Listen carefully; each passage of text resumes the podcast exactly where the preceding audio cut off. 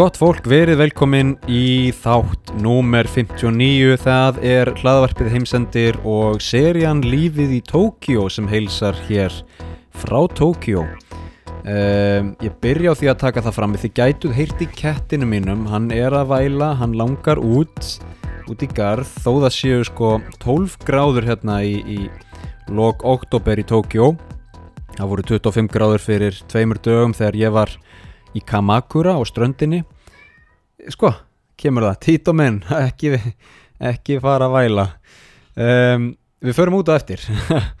Já, ég var sérst í Kamakura sem er hérna bær, ger ég ráð fyrir. Um, það er svona sögufrækt svæði hérna sunnan af Tókjó og um, ég var þar að uh, hlaupa með svona hlaupahóp uh, svo kallar trail running ég veit ekki hvað það er, utanvega hlaup eitthvað, eitthvað, eitthvað þannig, jú, utanvega hlaup líklega. Uh, hljóp frá lestarstöðinni niður að það strönd ykkur að 7 kilometra og um, þar voru með 25 gráður og heiðskýrt og sól. Við mættum niður á strönd, fórum í sjóin hann er ennþá hlýr og góður.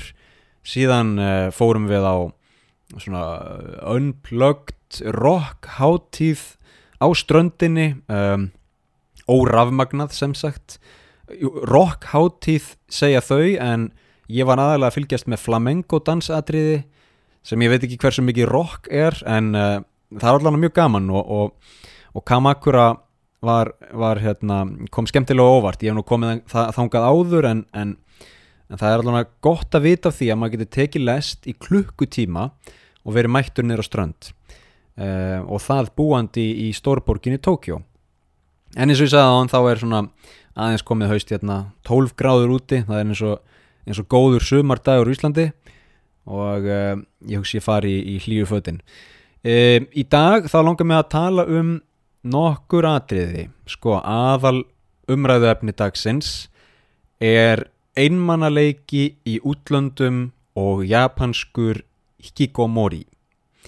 Um, hikikomori er um, manneska sem hefur dreyið sig algjörlega út úr samfélaginu hefur einangrað sig frá samfélaginu frá vinum, frá fjölskyldu frá vinnu og er í, í takmörkuðum samskiptum við umheiminn. Ég ætla að fjalla um þetta. Um, rekja svona sögu Japans að einhver leiti og, og, og, og koma síðan að þessu nútíma vandamáli um, síðan erum við með fastan lið, það er hljóð vikunar kemur og eftir. Um, síðan langar með að fjalla um sumo, glímu þjóðar íþrótt Japana. Og svo er ég með nokkra punktar svona í lokin. Þannig að þessi þáttur er, er, er spikfeitur eins og, eins og fólk segir og um, ég byrði ykkur bara að leggja vel hlustir og njóta vel. Sko, við skulum byrja á byrjuninni. Jú, svo, ég er enda að tekla kannski fram. Ég sko, hérna, að því ég er svona morgun manneskja um, og, og sérstaklega mikill rútínu maður þegar kemur að morgunum ég sitt hérna, klukkan er að detti 11 um morgun. Ég er búin að taka morgun jóka með uh, Jessica Ritzberg.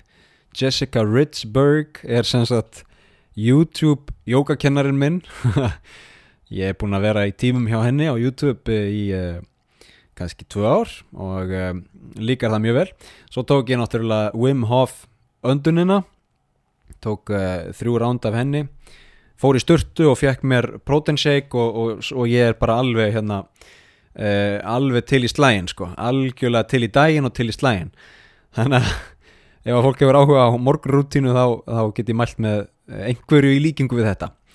Allavega, við skulum halda áfram og við skulum keira þetta í gang með uh, aðal umræðu efni dagsins, einmannaleiki í útlöndum og japanskur hikikomori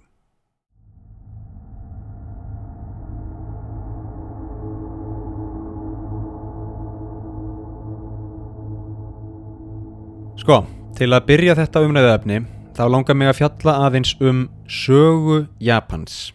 Og hún er laung og, og stór og djúb þannig ég ætla að stikla á stóru og um, hvet fólk bara til að lesa um söguna. Mig reyndar langar að taka fyrir nokkur svona stór atriði í sögu Japans, mér langar að taka fyrir samuræja, mér langar að taka fyrir yakuza, mér langar að taka fyrir um, einangrunina sem, sem átti sér stað og, og, og síðan mögulega setni heimstyrjöld, það getur verið áhugavert að taka það fyrir nokkrum þáttum um, en, en, en þanga til þá stikla ég bara á stóru sko, byrjum á 12. öldinni eftir Krist 12. öldin eftir Krist þá voru samúræjarnir að riðja sér til rúms samúræjar voru stjætt vel launaðra hermanna sem unnu oft fyrir dæmjó dæmjó er eh, lénsherra eh, á, á, á japanskum sögutíma. Sko, fyrir samúræjum skipti heiður mestu máli.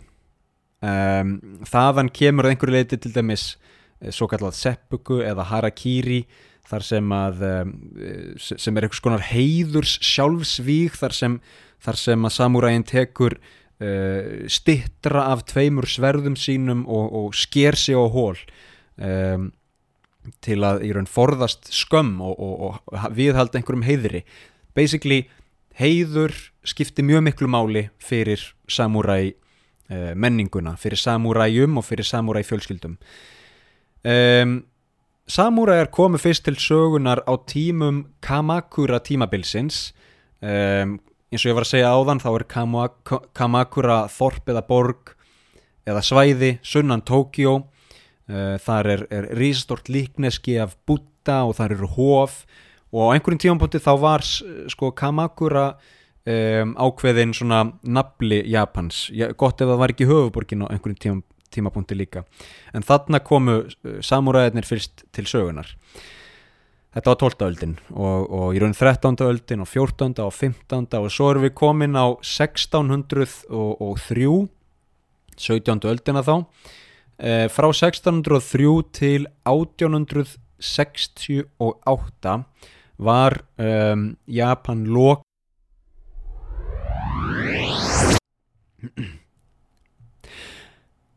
Kæri hlustandi, hér kemur tilkynning. Heimsendir er komin á Patreon og mig langar að byggja þig að koma þangað líka. Þú getur skráðið fyrir svo lítið sem 5 dollara á mánuði sem er ekki neitt. Það er 700 krónur, það er eins og kaffibotli, það er eins og einn kaffibotli á mánuði. Það er ekki neitt. Framvegis verður annar hver þáttur aðeins aðgengilegur á Patreon en allir gestaþættir verða samt ennþá í opinni dagskrá. Ef þú fílar lífið í Tókjó-seríuna þá er Patreon áskrift fyrir þig. Þá færðu aðgang að öllum þáttum heimsendis og þá ertu líka að gera mér kleift að framleiða meira og betra efni. Þá ert þú, góði hlustandi, kæri hlustandi, að styðja við frjálsa fjölmiðlun og að gera mér kleift að, að kafa dýbra í efnið mig langar nefnilega að búa til fleiri þætti þar sem ég kafa dýbra í söguna kafa dýbra í japanska menningu og, og gæði þættina lífi með viðtölum, hljóðbútum og effektum mér langar líka að finna fleiri fasta dagskrafliði lagvikunar, símtalvikunar og fleira og ef þú kemur á Patreon kæri hlustandi það tekur aðeins nokkrar mínútur og kostar eiginlega ekki neitt þá verð ég svo þakkláttur fyrir þinn stuðning. Takk fyrir það, takk fyrir að hlusta og við heyrumst í næsta þætti.